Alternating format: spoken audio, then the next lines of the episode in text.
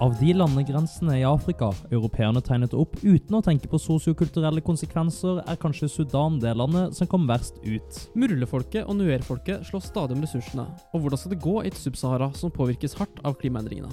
Det skal dere slippe å tenke på i denne podkasten. Typisk Induc handler nemlig om livet på Induc og menneskene som går der. Hvem er de? Hvilke historier kan de fortelle? Og hvilke drømmer sitter de på? Her kjempes det også om ressurser i form av lesesalplasser, men vi har heldigvis til gode å se blodige kamper. Dagens gjest har ennå til gode å få en lesesalplass, og manøvrere seg rundt på et NTNU fylt med koronarestriksjoner. Så velkommen til dere som har opplevd NTNU før korona, og til dere som ble født inn i studentverden med korona. Dette er Typisk Induc med Jakob og Håkon. Ja, ja, ja, da er vi tilbake med episode fire, sesong tre av Typisk Induc. Dette er en god dag for podkast, det kjenner jeg allerede. Håkon, der sitter du i studio med et stort glis. Hvordan står det til? Du, det står meget bra til. Jeg hadde en eh, litt eh, røff start på uka, men nå begynner det å nærme seg ting igjen. Eh, Jeg har vært på hyttetur med mannskoret Klingende Mynt. Det var veldig morsomt. Og jeg vil bare dra frem at jeg var headsjef for MKM Culinary Innovations. Lagde en niretters, en solid niretters lørdag kveld. Vi hadde alt fra sashimi med kiwi og mangosalsa til pannestekt brosme med granateple og chorizo og diverse. Men hvis det er én rett jeg har lyst til å trekke fram som jeg synes ble spesielt god, så er det den kødderetten vi har mellom de to hovedrettene. Det var nemlig potet på fire måter Dette vil jeg høre mer om. Etter at jeg har fått fire veldig godt platede tallerkener som ser veldig fancy ut, så kommer da en rett som er potetmos i bunnen, litt pommes frites stappet oppå potetmosen, før man dryster et lag med potetgull på toppen der igjen, slik at man får den Michelin-viben. Og i tillegg var det da en shot med vodka ved siden av, som da er fermentert potet med sukker og vann. Hvordan ble dette her tatt imot? Folk eh, lo nok litt, og mange skjønte nok ikke at dette var kødd heller. Men eh, jeg tror folk syntes det var morsomt, Den beste formen for kødd er den som ikke forstås. rett og slett. Det er lættis. Og så ble det jo også litt uh, vin på, på eh, kokkelaget og på uh, de som satt i salen. Vi fant også en perfekt solbærvin til kun 144 kroner på polet. Utrolig god til blåmuggost. Et kupp som det anbefales virkelig å kjøpe. Ok. Jeg må nesten spørre hvem som, hvem som deltok i dette kokkelaget. Hvem var det i tillegg til deg? Det var meg, headsjef Håkon Sveen, og så var det sommelier Kristoffer Winther og hovmester Per Olav Brobakk. En flott gjeng. Men hvordan står det til med deg, eh, Jakob? Du, det går bare bra. I helga så eh, deltok jeg på opptaket til Janus. Hadde post for eh, ja, skal vi si 28. gang i min karriere på Induc. Vi hadde altså tema 'Midtsommer', basert på denne svenske skrekkfilmen. Den sjukeste filmen jeg har sett i 2020. Jeg elsker også den filmen. Det er ikke en svensk film, det er en amerikansk film, men den er satt til uh, Sverige. Filma i Ungarn, da. det er mye komplekse greier der. Men den er utrolig kul. Lagd av uh, Ari Aster. Og den er filmet i uh, Technicolor. Alt er i flunkende, flott dagslys. Og likevel er den så creepy, den filmen. Den er spesiell i sitt slag, men, uh, og det kan man også si om den svenske tradisjonen å feire midtsommer, altså sankthans. Jeg skal ikke si så mye om opptaket, det kan kanskje dagens gjest snakke litt mer om. Men jeg kan jo si at jeg fikk innvia leiligheten vår med en liten efterfest. Når eh, Mm. opptaket var ferdig, så tok vi med oss eh, et par av de andre gruppene som hadde deltatt, og samla en fin liten gjeng hjemme hos meg. Så da var vi en eh, 20 stykk som hadde en hjemme alene-fest. Ettersom både du og min roomie Marius var på hyttetur, så kunne jeg utnytte den muligheten. Og leiligheten vår den gjør seg godt, altså. Der er det mange gode kvadratmeter og kubikkmeter å boltre seg på. Ja, skal vi snakke om leiligheten vår eller i podcasten også? Og vi kan blaste, bleste, bleste leiligheten. 137 kvadratmeter totalt. Eh, Gjennomsnittsstørrelse på soverommene på 15,5 kvadratmeter. Vi har stue, vi har sofa, vi har 55 tommers TV. Litt annen leilighet. Der er det bare å ta turen. Våre dører står alltid åpne. Men vi har en makscap på 20 personer. Enn så lenge. Nei, men Det var spesielt hyggelig å se en del fjerdeklassefjes igjen. Disse har jo ikke vi sett siden vi gikk i andre og de gikk i første. Så det å få litt påfyll av Nore Rystad, Amanda Akskrona, Siv Smith, Elisabeth Netland, Kjartan, Audun, hele den gjengen der Å, da blir jeg så fornøyd! For en gjeng. Da er det deilig å gå i femte klasse. Ja, Det er ganske sykt det er at man ikke ser disse menneskene på to hele år. Man blir så godt kjent i løpet av ett år, og så er det bare snakkes i eh, to år før man kommer tilbake igjen. Og da er det, det er en veldig fin tid å komme tilbake høsten etter utveksling og se folk man ikke har sett på så lenge. Så har de blitt litt eh, De har blomstra siden sist. Fått litt mer skjeggvekst, litt mer selvtillit, litt mer erfaring på beina. De drar som noen guttunger, kommer tilbake som menn, som i militæret. Det skal vi snakke mer om senere. I vår militærutgave av podkasten.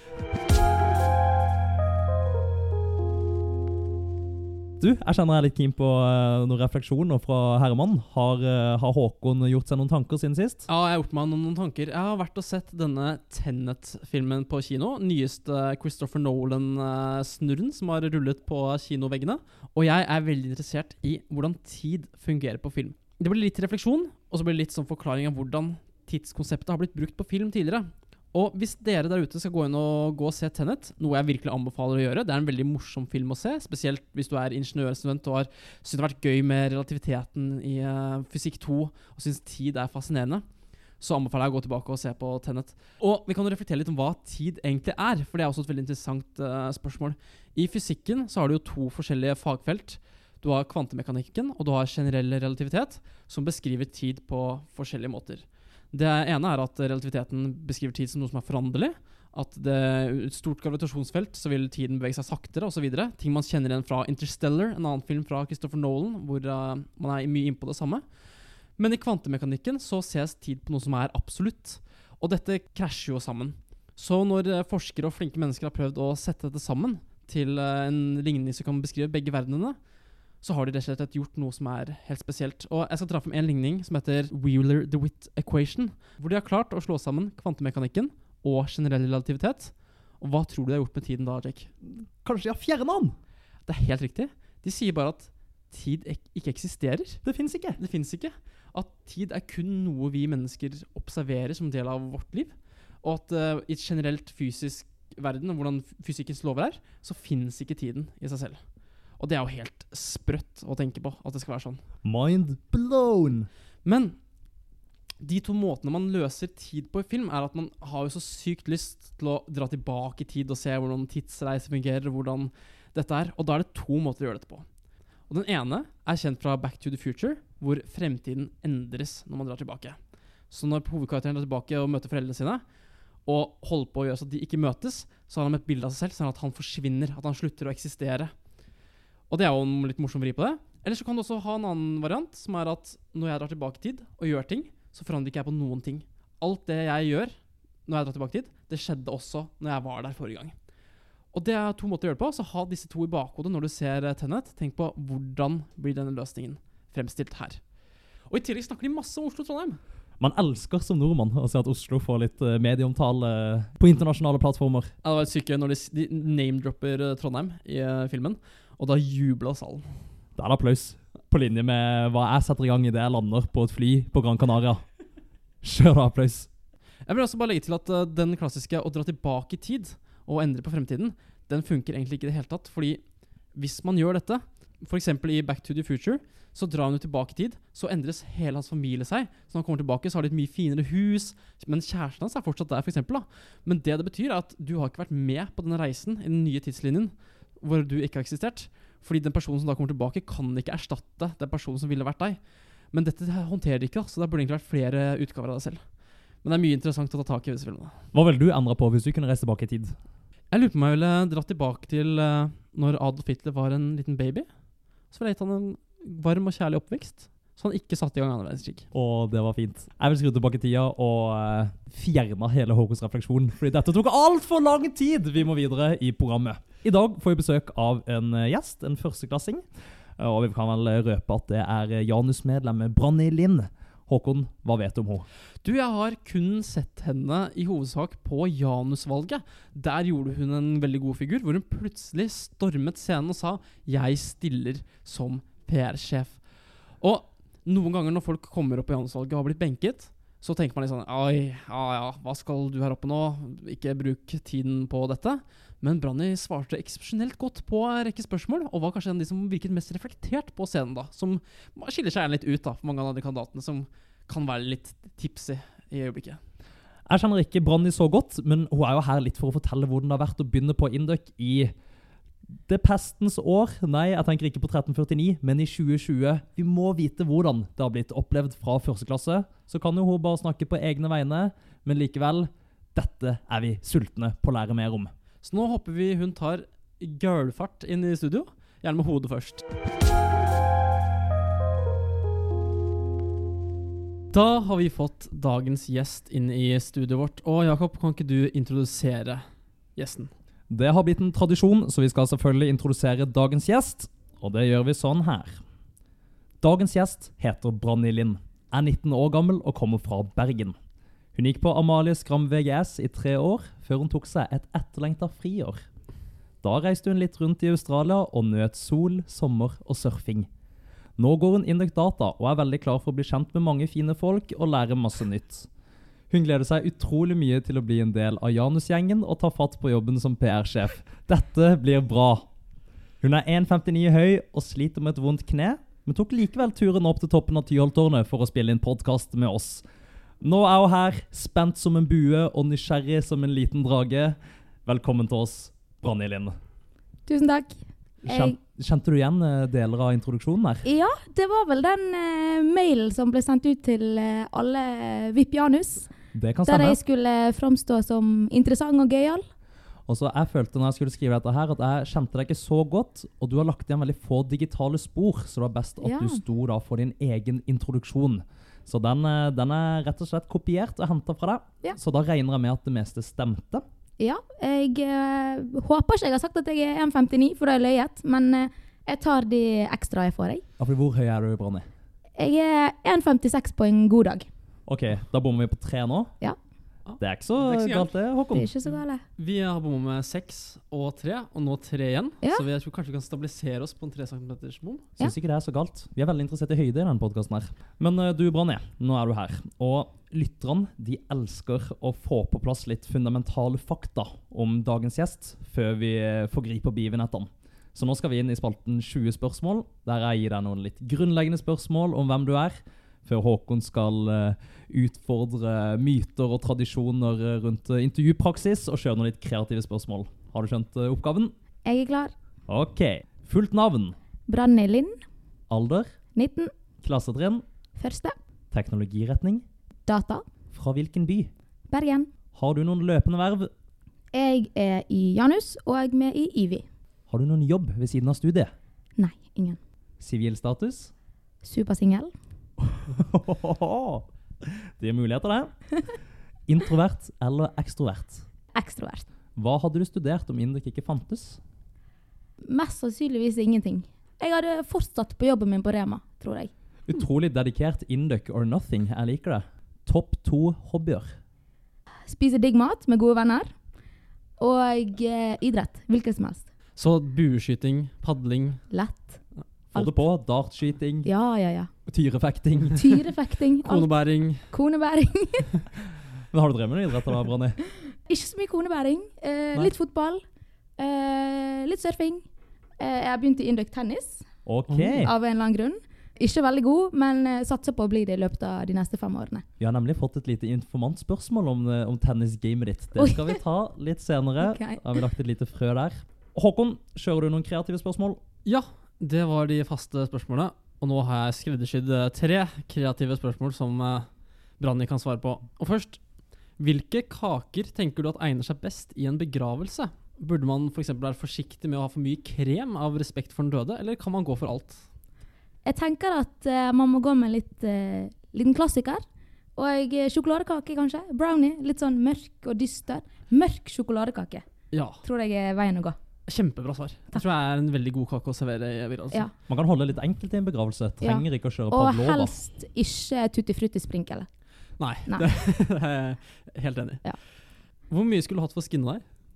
I penger? Veldig mye penger. Kanskje 70 000 kroner. 70 000 kroner.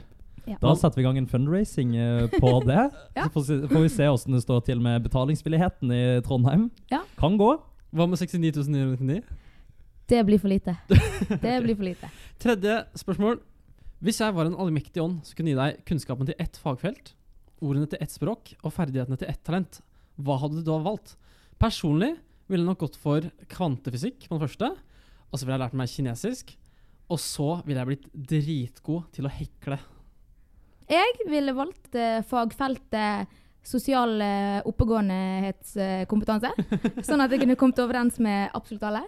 Og så hadde jeg eh, valgt eh, burmesisk skriftlig, for det kan jeg muntlig, men ikke skriftlig. Og så kunne jeg også tenke meg å lært å strikke. Du, det var, det var 20 spørsmål. Yes. Nå skal vi inn i det vi kaller for kosepraten. Men før vi går dit, så tar vi ett lytterspørsmål. Vi skal, vi skal tease litt med lytterspørsmålsspalten som kommer til slutt. Og det første spørsmålet det kommer fra Lise Amalie, som du kanskje kjenner. Hun er kjent fra danseshow og lokalpolitikk i Oslo. Hun lurer på hvordan det er å være bergenser uten å skarre. Eh, for å være helt ærlig så har jeg hatt en eh, tøff barndom pga. det.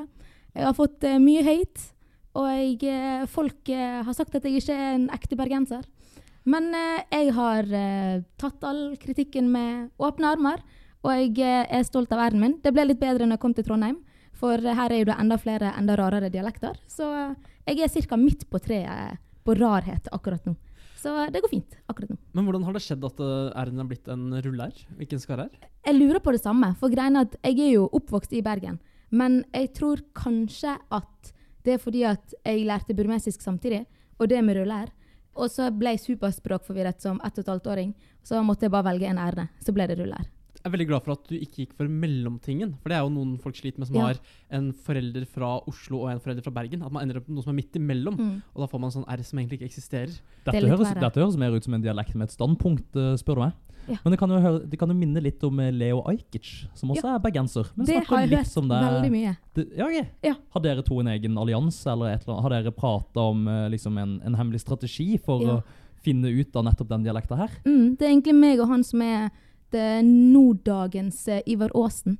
Vi skal reformere hele Norge og legge inn eh, rulle-R som eh, standardform i hele landet. Ja, tjommi, det meg og Ivar Aasen, hvis du skjønner hva jeg mener. Vi og Branne vi ble enige om det da vi vokste opp i Bergen, at eh, vi skulle plukke katter og lære oss å snakke på vår egen måte. Så det, og nå har vi lært oss å resirkulere, så det er jævlig fett. Si det til dem.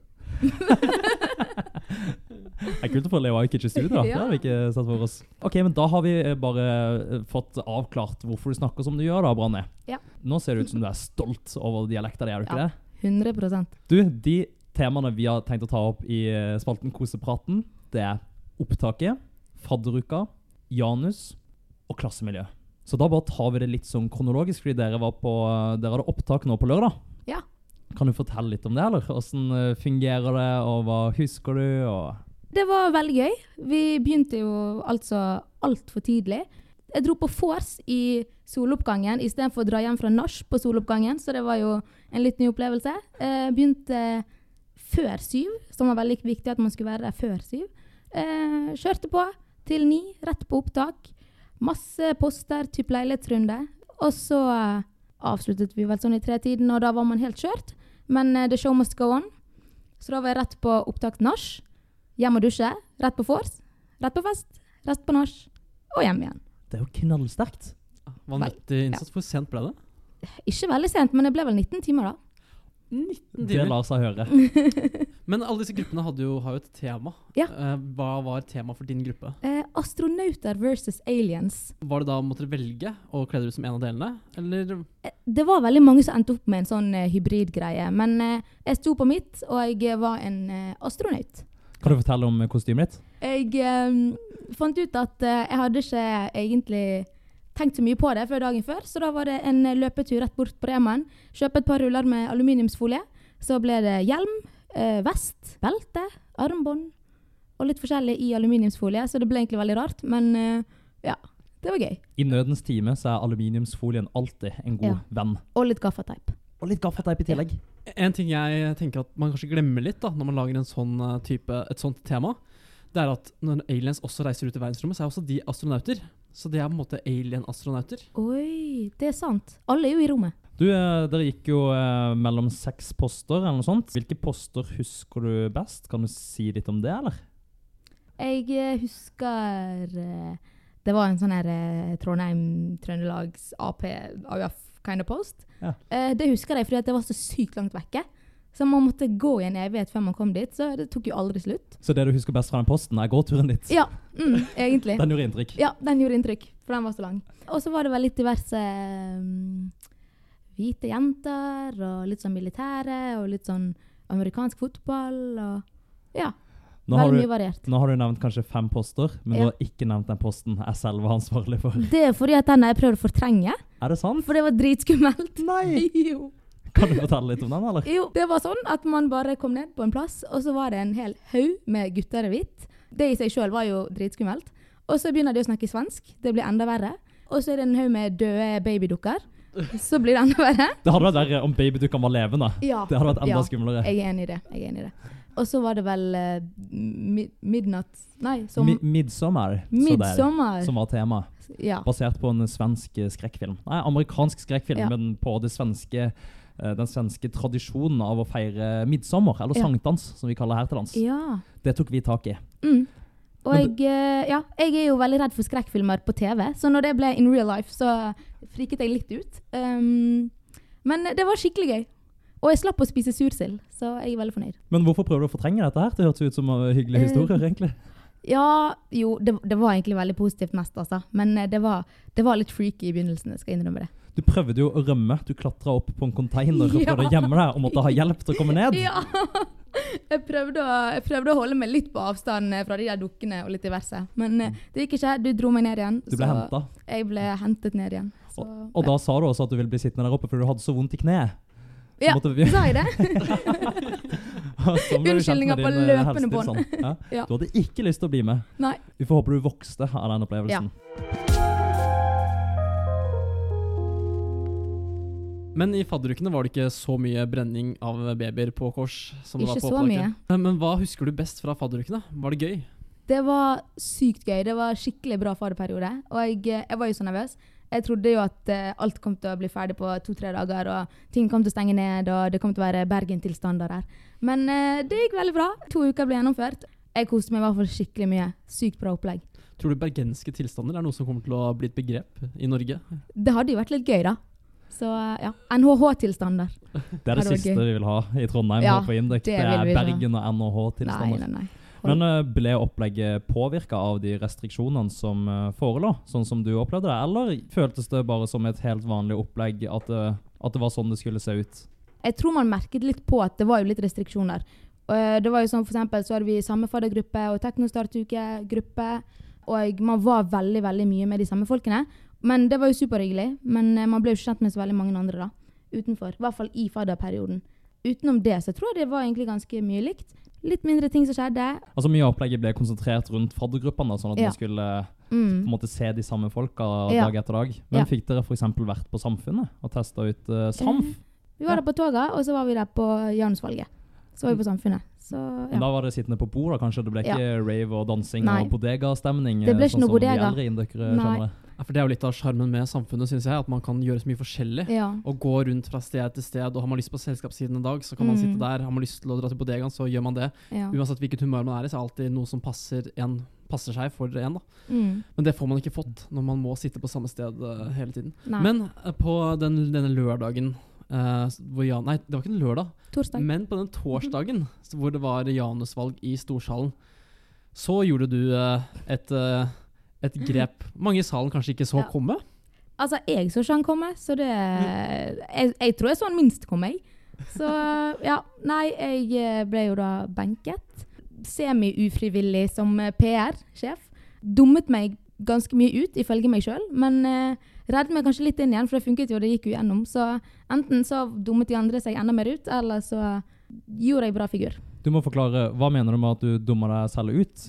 De som Eh, satt i salen, har jo eh, De har jo tydeligvis stemt, tenkt at du har gjort et, eh, et godt Ja. inntrykk på scenen. Eh, nei, altså jeg følte folk var så gjennomført og var veldig klar for det. Men jeg, som sagt, jeg ble jo benket. Hadde jo egentlig ikke helt Jeg var jo ikke klar over at det kom til å skje i det hele tatt. Så, men ja, jeg tok det på strak arm. Det så ut som det funket. Men hva tenkte du idet du ble benket? Tenkte du at oi, nå må jeg gå opp, eller var det en tankeprosess som gikk der? Altså, jeg var veldig sånn Skal jeg, skal jeg ikke? Det var ca. 50-50. Så fikk jeg en liten eh, dytt i ryggen, og så gikk jeg opp. Men jeg var jo i salen og satt og så på, Ja. og var med og stemte. Ja. Og jeg husker vi tenkte, vi, eh, vi som satt i, fra femte klasse som var der, hadde vel en sånn felles kommunikasjon om hvem vi syntes var gode kandidater. ja. Og vi syntes du var den som svarte best på spørsmålene. Oi! Så bra. Det er veldig hyggelig å høre. Så jeg tror du fikk noen stemmer fra, Fra oss. femte? Ja. Ja. Og så Kult. god var du til å svare på spørsmål, Branny, at vi inviterte deg til podkasten vår for å svare på flere spørsmål her. Da er jeg god å snakke, da. Du må være det, til tross for dialekta. Ja, til tross for ord. Ja, ja, ja. Men hvordan gikk det to uker av fadderuka uten at du tenkte på at du skulle bli med Janus? Du fremstår jo som den fødte Janus-kandidat, Branni. Nei, altså jeg føler alle på Induc kunne vært en født Janus-kandidat.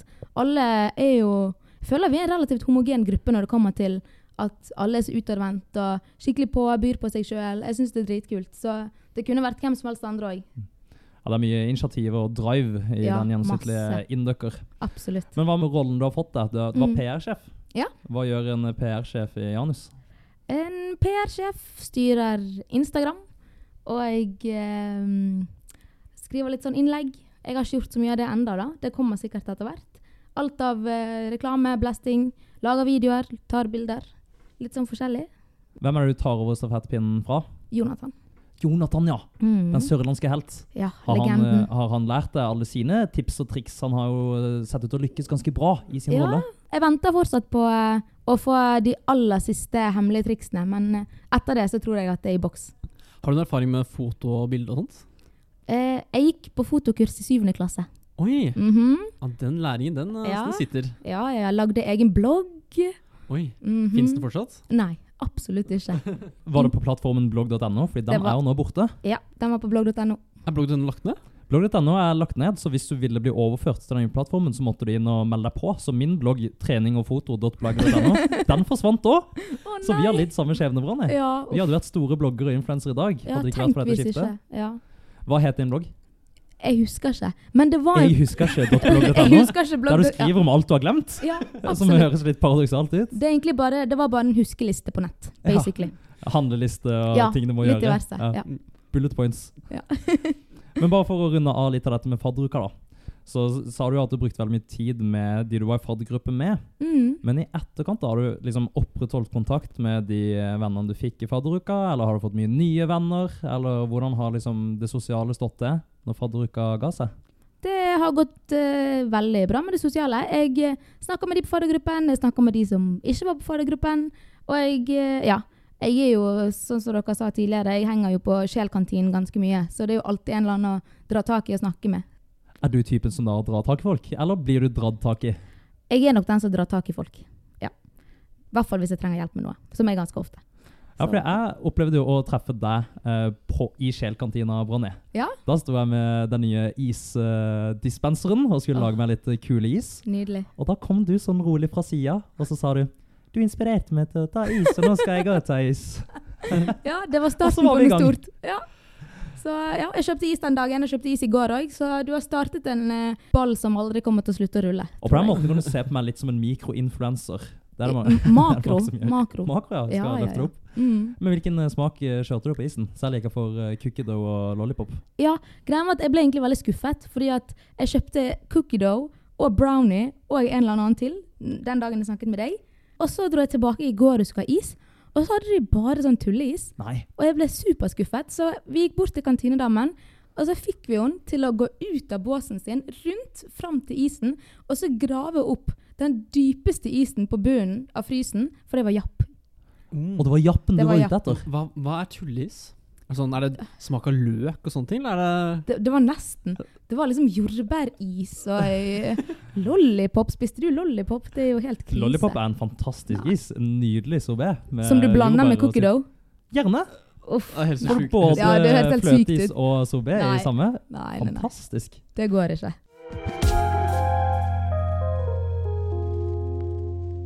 Det var litt om løk, is og fadderuker. Branni, vi må snakke litt mer om Janus.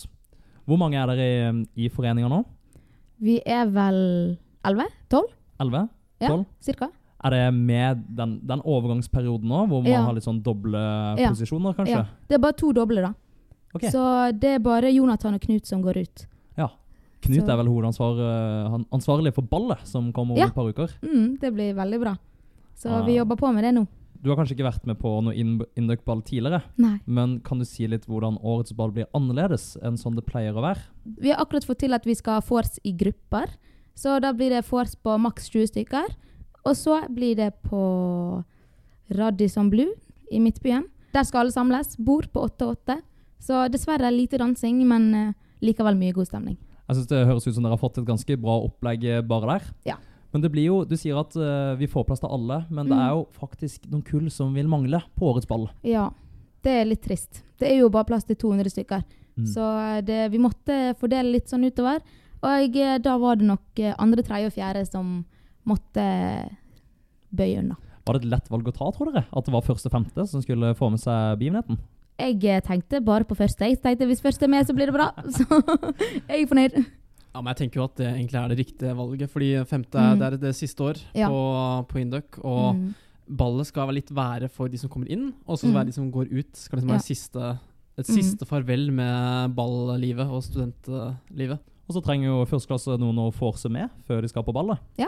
Så vi har jo selv åpna leiligheten vår for et av disse Mm. gruppeforsene. Så Ja. vi forventer da å få en fire-fem eh, optimistiske førsteklassejenter hjem Yes. til oss. Det gleder vi oss til. Det blir bra. Men blir det 100 fra hvert kull, eller hvordan er fordelingen? Jeg eh, tipper at det er ca. 85 fra hvert kull. Og så okay. er jo det 30 stykker cirka som er liksom oss i Janus, litt sånn MKM, litt sånn ba- bandøk. Fordi at vi må jo ha litt underholdning på ballet òg. Femteklasse skal vel også stille med noe underholdning? Håkon, vet du oh. om det, eller kan du tease det opplegget? Jeg kan si at det blir, det blir sang og spel og dans. Ah, unntatt, unntatt dans på, se, det var bare på scenen. da. Bare Ja. dans på scenen. Og kanskje noen bilder også? Ja. Hvem vet? Gleder meg. Jeg har ikke planlagt noen ting, jeg. Ja, det, Det kommer. Hva med, hva med samholdet i eh, Janus, da? Dere har vel vært på en hyttetur, dere har kanskje Mm. gjort litt teambuilding. Begynner det å se ut som en eh, gruppe, eller? Ja, jeg eh, digger gruppen. Skikkelig. Hver eneste person er jo så kul. Så skikkelig dynamisk og bra gjeng. Så jeg gleder meg til å jobbe med det framover, i hvert fall. Ta oss en runde. Hvem er de nye førsteklassingene i Janus? Det er meg, og så er det godeste Lise som hadde spørsmål om rulleren.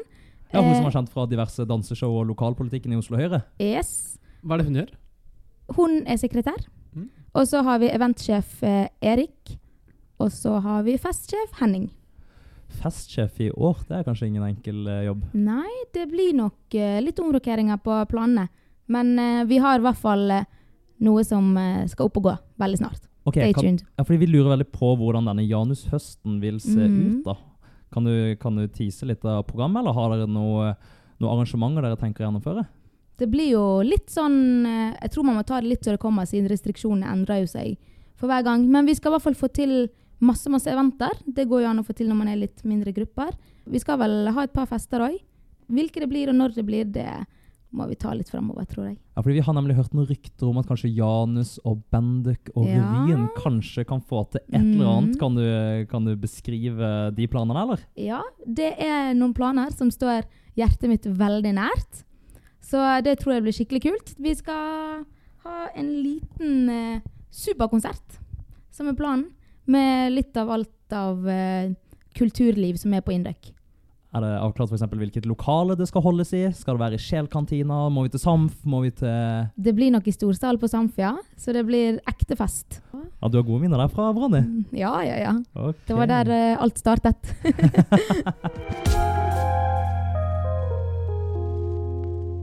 Nei, men skal vi, skal vi snakke litt om eh, klassemiljø, eller Branni? Du har begynt i første klasse nå. Dere Stemmer. har bare hatt en eh, måned Ja. eh, på å bygge opp eh, noe som helst som ligner på et miljø, men allerede nå så legger dere grunnlaget for de neste fem årene på NTNU. Så det er litt viktig å være litt proaktive på den fronten der. Mm. Hvordan ser du på klassemiljøet sånn det ser ut akkurat i dag? Jeg, jeg er så overrasket over alle som er så sykt engasjerte. Alle som virkelig jobber for at det skal bli et bra klassemiljø. Og jeg, eh, jeg føler hver eneste person gir så mye av seg sjøl. Så eh, jeg føler vi har skapt et veldig bra klassemiljø. Og det er noe for alle. Og hver gang jeg ser meg rundt i kantinen, så sitter folk sammen, jobber sammen, snakker sammen, spiser sammen. Så eh, jeg tror at det kommer til å bli fem veldig bra år med dette kullet. Har dere fått noe driv i jentemiljøet også? Dere er jo ganske få jenter i klassen. Gjør Ja. dere aktivt for at dere skal bli en spleisegjeng? Eh, det er jo veldig viktig at vi blir det, da. Vi er jo bare litt over 30 stykker, tror jeg. Så vi er en ganske liten gjeng. Men eh, vi har jo Messenger-chat. Vi har eh, Ja, det er egentlig bare Messenger-chat vi har. Ja, men Mye bra initiativ har starta i en messenger- messenger-chat, så du Ja, må på en måte ja, ja. løfte det opp i det fysiske rommet etter hvert. Ja. Kanskje noen inviterer på tapas, kanskje noen inviterer på en pikniktur eller tur i bymarka, et eller annet sånt. Ja. Det er bare liksom å ta tak i det, og det er kanskje Mm. litt vanskelig å liksom være den første som gjør det. Problemet ligger vel egentlig i at vi er det er nesten litt for mange jenter. Fordi at hadde vi vært rett under 20, så kunne jo alle funnet på ting hele tiden. sant? Men nå går jo ikke det. Da må jo man eventuelt deles i to. Bronny, nå skal vi inn i den delen av programmet hvor vi blir litt bedre kjent med ditt forhold til Induc. Selv om vi har prata mye om dine opplevelser på Induc så langt, så lurer vi på hvorfor du valgte nettopp Induc. Greien med meg er at uh, jeg er tidenes største fan av å prokrastinere. Uh, så valget mitt falt rett og slett på Induc fordi at det er det studiet man kan gå, der man har flest muligheter, og der man kan utsette alle sine valg i fem år til. Så derfor valgte jeg Induc. Jeg vet ikke hva jeg vil bli, og jeg har fortsatt ikke peiling på det. Ja, Det var egentlig bare et resultat av at jeg ville utsette problemene mine. Men hvilke møtepunkter hadde du med Induc? Var det noen som kom på stand på skolen din, eller satt du og googla litt på internett, eller? Ja, ny fun fact. Jeg skulle egentlig begynne på et eller annet annet, som jeg ikke husker hva var engang. Og så var de på Male Skram og snakket om det. Liksom NTNU var der. Og så var det noen studenter som hadde kommet og snakket om det. Og da var det snakk om at jeg skulle ta en prat med en eller annen fyr fra et eller annet studie. Men så fant jeg han ikke. Så fant jeg en eller annen, så spurte jeg han vet du hvor han andre fyren er. Og han bare nei, men jeg går Induc, vil du høre om Induc? Og jeg hadde egentlig ikke tid, men så tenkte jeg greit, du får fem minutter. Og så hørte jeg på han, og jeg var solgt. Husker du hva han het? Dessverre ikke. Det var en blond fyr. Det er helt sikkert en person vi vet hvem er, som er fra samme sted i Bergen som, eh, som deg, kanskje. Nei, det, de er jo snarere, der, fordi dette er ikke skolebesøk. Dette er ent, altså NTNU sin egen utdanningsgruppe som man søker til. Oi. Som Induc har én person i, som man må søke med karakterer og CV. og sånt. Wow. Hvor man deltar på sånne utdanningsmesser og står på stand og snakker for NTNU som Ja. eh, helhet. Hvis du hører på nå, tusen takk for at du vervet meg. Man kunne selge han. Men uh, du har gått på Induc nå i bare en måneds tid. Ja. Men føler du at du har valgt riktig etter den måneden? Ja, 100% Så det er så rart. Jeg føler jeg har gått der i tre år allerede. Fordi at eh, jeg har jo veldig dårlig hukommelse òg, så jeg har jo glemt alt som skjedde før Induk. sant? Men eh, ja, jeg trives skikkelig godt, og jeg tror det var riktig valg. Så bra. Yes. Og vi har jo allerede snakka litt om dine opplevelser på Induk hittil, så vi trenger ikke å dvele så mye med det. Men vi vil vite litt om dine drømmer, Branni. Ja. Hvor er du f.eks. om ti år? Om ti år så eh, begynner jeg nesten å bli gammel. Da er jeg 29. Jeg håper at jeg har reist eh, dritmye. Vært i masse land, opplevd masse. Fått en kul jobb som jeg trives med. Forhåpentligvis er jeg ferdig med å studere Induc om ti år. Det er ikke sikkert, men kanskje. Det Eh, skal være mulig å det ta skal det være på ti mulig å ta det på ti år. Mm. Det skal gå bra. Så eh, en eller annen kul jobb der jeg reiser mye. Ja, fordi du snakker om reising, Ser du for deg reising etter endt studie, da? Eller skal du prøve å smette inn litt reising også underveis? Jeg må jo nesten ta det litt underveis òg. Fem år uten blir eh, litt for lenge.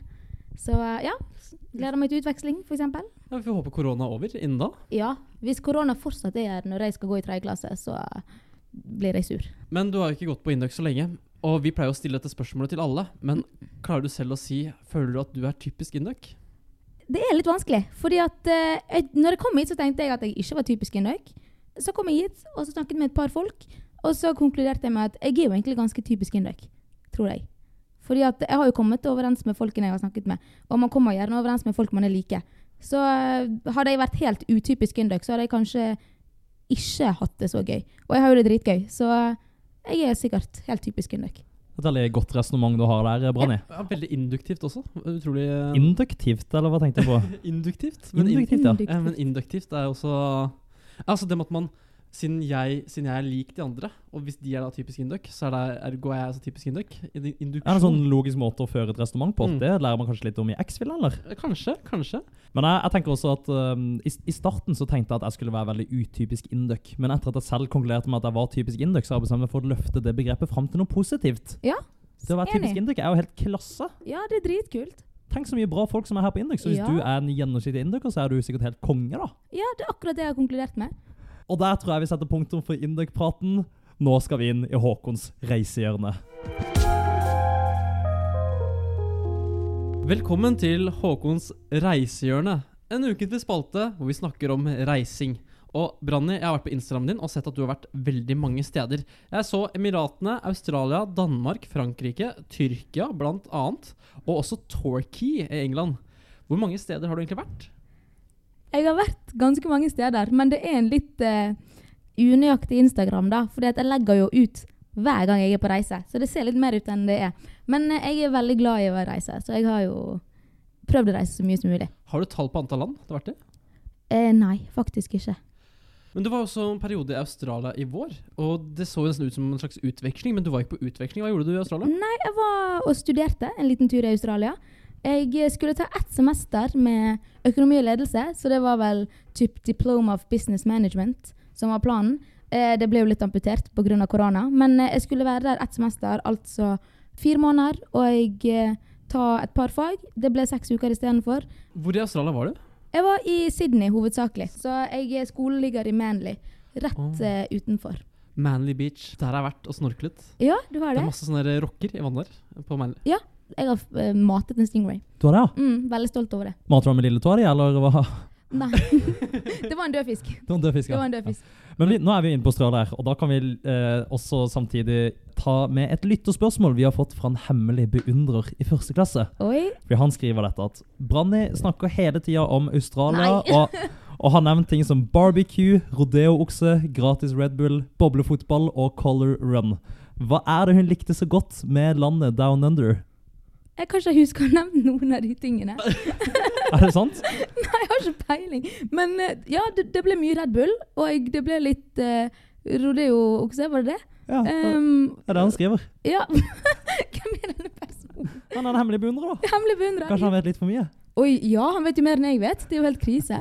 Men eh, ja, jeg ja, trivdes veldig godt med å være i Australia. Men jeg har faktisk fått litt kjeft fordi jeg snakker litt for mye om det. Så eh, ja, dere vet de som kommer hjem fra utveksling eller skole i utlandet, så kommer de hjem og bare sånn her 'Å, Jeg husker ikke norsk lenger. Og så skal de bare snakke om eh, der de var. Jeg har ikke lyst til å være en sånn en. Så eh, Ja, du har stort sett kun snakka om surfing for eksempel, i denne podkasten her. ja. Litt sånn nyfrelst etter å ha vært i Australia i tre uker. ja, altså surfing syns jeg faktisk er veldig gøy. Men uh, Ja, Fikk du det til, eller? Jeg surfet litt i Norge når jeg kom tilbake igjen òg. Og det var jo mye lettere i Norge enn det var i Australia, siden det var mye mer forutsigbare bølger i tillegg. Så eh, jeg syns uh, surfing var skikkelig gøy. Ok. Mm.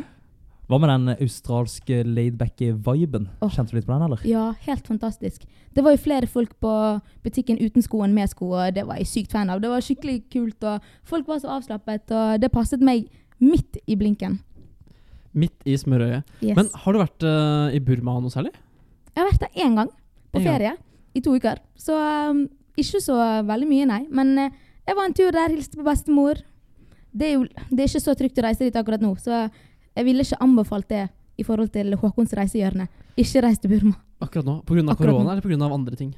Det er vel sikkert litt korona òg, Ja, jeg tror det er generelt ganske utrygt land å reise til, så Jeg har veldig lyst til å reise til de eh, flotte greiene i nord der. Jeg husker ikke helt hva det heter. Åh, hva er navnet på de Det er noe sånn slott og mange som eh, går Ja, opp i luftballong og sånt. Ja, ja, det har jeg sett. Jeg har ikke sett det på ekte, da, men jeg har sett det på bilder. Det virker så gøy. Og det der hvite palasset også i eh, Yangon. Det der Ja, det der er marmor... eh, Mm. Det er også ekstremt Hvis du hadde reist, så hadde sikkert bestemor invitert deg på middag. Så eh. Kanskje. Ja. Og du må hooke oss opp med Ja. bestemor når vi og Håkon skal på strategiseminar i Burma neste ja, år. ja, ja. Hun hadde blitt så glad. Så kan hun lage litt burmesisk mat, og, Ja.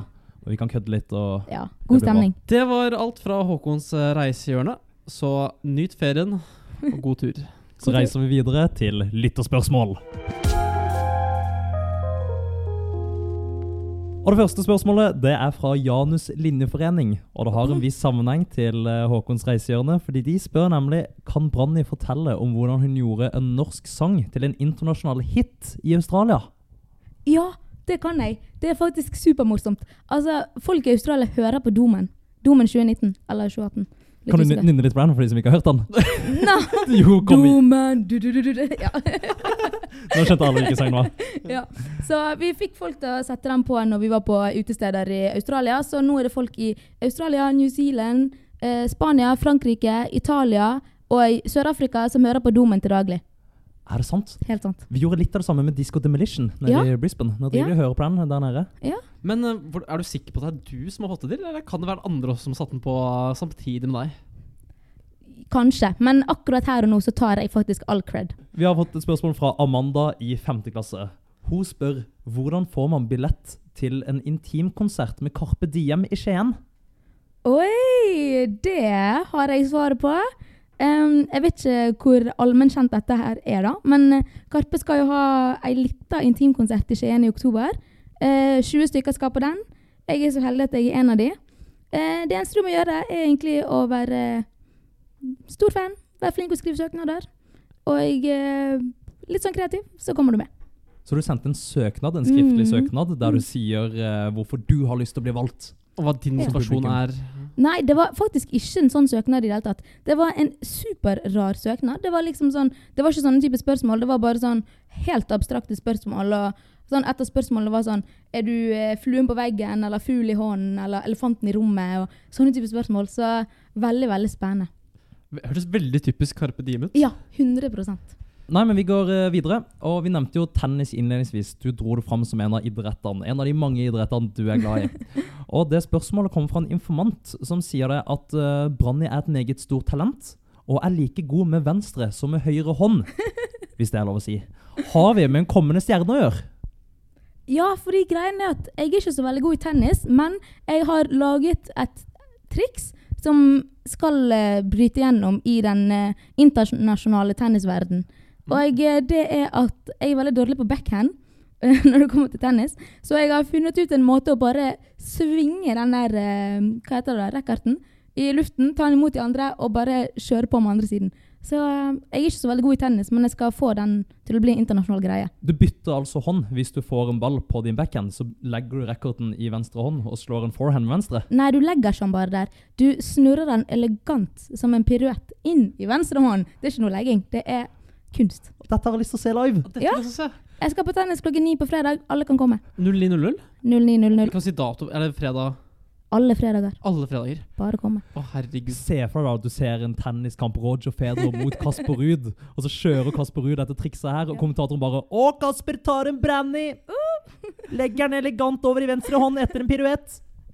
Yes. Det, blir, det blir en stor dag Det blir en stor for alle som er glad i brandy, tennis og Burma. Yes. Vi skal videre til neste lyttespørsmål. Uh, jeg har lyst til å gi en liten shout-out til vår ferskeste følger på Instagram, som heter Ang... Nei, Tun- å, Linn. det er pappa. Pappa. Nei. Lurer på hvilken uh, familierelasjon var dette, men det er en far. Ja. Er han interessert i å følge typisk Induk på Instagram? Ja, og jeg var faktisk inne og så, og det er veldig morsomt. For han, følger, han har sånn tre følgere, så følger han åtte stykker. Og typisk Induk er en av de, så dere burde egentlig føle stor cred på den. altså. Han følger ikke Janus linjeforening engang, han følger bare typisk Induk. Vi er meget beæret over ha Ang Hutun Linn med på laget. Yes. Men tror du han bare er interessert i episoden med deg, eller tror du han kommer til å følge oss tett framover? Jeg er veldig sikker på at jeg kommer til å følge dere tett fremover. Å, for en mann. Kanskje vi skal gå hardere ut mot foreldre på Induk? Finne de? I hvert fall hvis dere skal til bestemor i Burma, så tror han jeg tror det blir veldig bra. Kanskje vi kan få dem som gjester også? Ja, En foreldreedition? Ja. De kommer neste helg. Samles en gruppe, da, kanskje? En hel generasjon! Vi må ha Branni, pappa Ang og bestemor i en og Ja. samme podkast. Og ta hele greia på burmesisk, naturligvis. Du kan jo muntlig, men ikke skriftlig. Var det sånn? Stemmer. Jeg sliter også litt med den skriftlige delen jeg har kalt Ja. i burmesisk. Vi har fått et lyttespørsmål fra en informant til, og denne personen lurer på hvilken person er den mest kjente du har solgt is til? Um, jeg har solgt is til Lars Vaular, Kamelen og Leo Ajkic på Bergen Storsenter. Og det var en eh, stor bragd. De hadde litt samme issmak som meg. Ingen sorbé. Eh, og ingen eh, fløte og sorbé blandet sammen. Så det var veldig gøy. Jeg eh, solgte is til dem. Ja, Og du kjenner iskrembransjen ganske godt, har jeg hørt? Ja, jeg har jobbet i iskremfabrikk. Jeg har jobbet i iskremkiosk. Jeg har kjøpt is i iskremkiosk. Mitt spørsmål kan man flippe is? At man kjøper is fra en butikk, tre kuler, og så selger man det videre med god margin? Ja, det går faktisk an. Jeg eh, har eh, stjålet flere tonn med is fra iskremfabrikken. Tatt det med til Rema og så solgt det til trippelpris.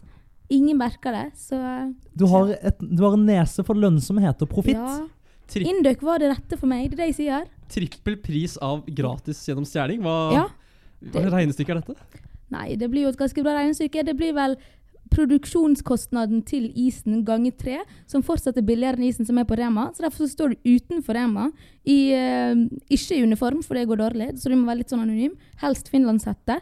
Uh, all, all isen er jo smeltet, da, men uh, Finland setter pistol i baklomma og truer barna til å kjøpe is av deg. ja. Til 50 kroner stykket. Jeg er jo i huden til Leo Ajkic, da trenger man det. Vi skal ta et eh, spørsmål eh, til. Uh, og det er fra Hanna i første klasse. Ja. Skal Branny kaste seg på strikketrenden? Vi vennene i første gleder seg i så fall til pannebånd og hjemmelagde gensere i julegave. Yes, jeg skal begynne å strikke som bare det. Um, planen er å strikke en genser, men jeg har aldri strikket noe i hele mitt liv.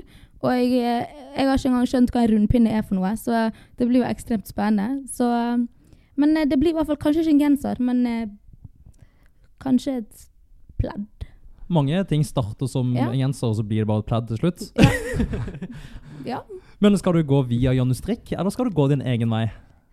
Jeg tror ikke jeg helt er på Janustrikk-nivå helt ennå, så jeg må kanskje begynne litt i eh, det små, lille, og så eventuelt eh, gå over til Janustrikk, kanskje. Men jeg tror man har lov til å komme dit, selv uten de store strikkeferdighetene i bunn. Kanskje? Kanskje jeg skal vurdere det. Fin arena for å få seg venner på eldre kull og chit-chat Ja, litt og ja, prate ja. gossip og Mm. Tas i betraktning. Jeg har litt for mye å gjøre på med de vervene, men eh, ja. Alt virker jo så gøy, så eh, jeg klarer jo ikke å bestemme meg for hvilke verv jeg skal ha engang. Så jeg har klart å slå meg til ro med to stykker, men eh, alt virker supersosialt og supergøy. Så Det er bare å gønne på. Nå er fag som til og med er godkjent, ikke godkjent. Så nettopp. Det er, akkurat, det er det jeg har sagt til alle sammen rundt meg, at uh, eksamen kan kontes, verv kan ikke. Men uh, Visdomsord! visdomsord ja, ja. Wow! Det er ingen som er helt med på den, men Men Ja. summa summarum så kan Hanna glede seg til et pledd i julegave. yes. Det var lyttespørsmålene. Vi går inn i avslutninga. Da har vi vært innom en hel del, og Branni, det har vært en fryd å ha deg. her. Håkon har blitt skikkelig godt kjent med deg, og det håper jeg lytterne også har blitt. Har du noen siste ord på hjertet som du føler skal sies til folket der ute? Alltid husk, eksamen kan kontes, verv kan ikke. Og med det visdomsordet så sier vi tusen takk, Brandelin, for at du kom i studio. Gi henne en stor applaus! Tusen takk for meg. Da har eh, Branni dratt eh, hjem for 24 timer siden. Vi er tilbake på skolen i dag for å spille inn siste delen. For hva skjedde når vi var ferdig med episoden i går, Jakob? Nei, det Branni forlot eh, studio, så var det en slags stemning i rommet om at uh, vi var ferdig. Vi var ferdig for i dag, så da pakka vi sammen sakene våre og dro hjem. Og vi liker jo det å avslutte episoden med en liten prat mellom oss to, Håkon. Evaluere hva vi har opplevd den eh, foregående timen, ha en liten sketsj på slutten. Så den er vi nå klare for å spille inn. Ja, og nå har vi da fem minutter igjen av grupperommet som vi booket fra fire til fem, fordi vi også møtte et par eh, rekrutterere fra Visma. Oh Så- yes. Uh, Visma Consulting det er mine gamle kolleger fra i sommer. Så da måtte jeg bare slå av en kort prat. da. Det ble 55 minutter, det. Sånn er det når man er glad i å preke og har mye på hjertet. Og du ble også roasta som et helvete. Ja, Kommer inn døra. Oi, er det Tintin som har tatt seg turen? Smeller det fra min nærmeste kollega. Og jeg så på sveisen og tenkte at oi, shit, det er faktisk ganske lik sveis som Tintin. Det er jo helt on point. Ja, det var veldig morsomt. Vi har jo også fått uh, en liten tilbakemelding fra din mor fra forrige episode, Jakob. Ja, I løpet av kvelden så har mamma hørt forrige ukes episode med Katrine Sju. Hun var stort sett fornøyd, men uh, var ikke veldig imponert over uh, den ene vitsen jeg dro da, når du kjørte Håkons refleksjon om det digitale skiftet. Um, Det var en vits av seksuell karakter. Jeg må bare beklage hvis det var andre lyttere som opplevde den vitsen like, som like umusikalsk som det min mor gjorde. Sånn er det med meg. Det er en løs kanon. Jeg liker å provokere, provosere, tøye grensene, tøye strikken. Og stort sett så blir det show, men det kan også gå litt over grensa. Ja, lyt- Lytterne der ute de aner ikke hvor mye som faktisk sensureres av det Jakob sier gjennom hele episode. Det er litt av en jobb for en stakkars produsent. Men eh, Jakob, hvordan syns du det var med Branni på besøk, da? Du, Jeg synes det var en utrolig hyggelig samtale vi hadde med Branni. Hun var avslappa, hun delte. Jeg følte jeg lærte noe nytt om hun og om meg selv og om livet sjøl. Og så syns jeg at eh, det er tøft som førsteklassing å stille opp i studio her. Det er ikke bare bare det. Vi sitter der som to skumle, store femteklassinger, så det er jo en respekt eh, bare det. Men jeg syns Branni klarte seg utrolig bra. Hva syns du, Håkon? Hva sitter du igjen med? Du, jeg tenker litt på at uh, jeg hadde en følelse på forhånd over at uh, førsteklassingene ikke kom til å sette pris på det å studere på NTNU nå som var korona. For personlig tenkte jeg at dette blir jo helt håpløst. Herlighet, stakkars de som skal begynne på NTNU nå, får ikke oppleve i nærheten av det samme som vi fikk oppleve i våre glansdager i 2016. Men hun var jo ganske positiv til det som hadde skjedd. Det virker som førsteklassingene syns at ting har vært ganske morsomt og ålreit uansett. da. Så det er jo bra. All honnør til Janus og de andre linjeforeningene som har klart å fått det mye bra da, disse ukene som har vært, som har vært vanskelige. Men jeg ser for meg det at det å først få avlyst en russetid og det å begynne å studere, og så få spolert en fadderuke, det er ikke det helt store, men jeg tror de er fornøyde, fordi dette har blitt ganske så bra. Ja, og med det så tenker vi at vi runder av for eh, ettermiddagen. En kort eh, innspilling her nå på slutten. Så da håper vi vi ses igjen allerede neste uke. Da blir det Ivar Mork som kommer på besøk. Nå ringer det igjen! Hvem, eh, hvem er det nå?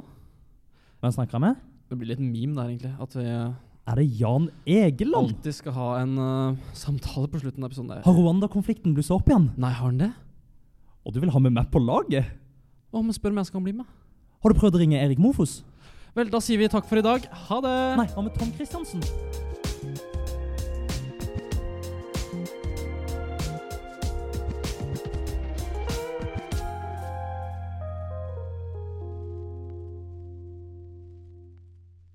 Tjommi sier bare tusen takk for meg. Det har vært en fryd å være i studio sammen med dere. Og Tjommi skal bare fortelle én ting, at katter i Bosnia har ikke den samme statusen som katter i Norge. Så neste gang kaster en katt på TV, så må du skjønne at jeg har vokst opp i litt andre kår enn det dere har. Så neste gang du ser ned på meg, skal du tenke at meg og Branni har en allianse der vi backer hverandre opp og sier Tjommi at eksamen kan kontes, men verv kan ikke.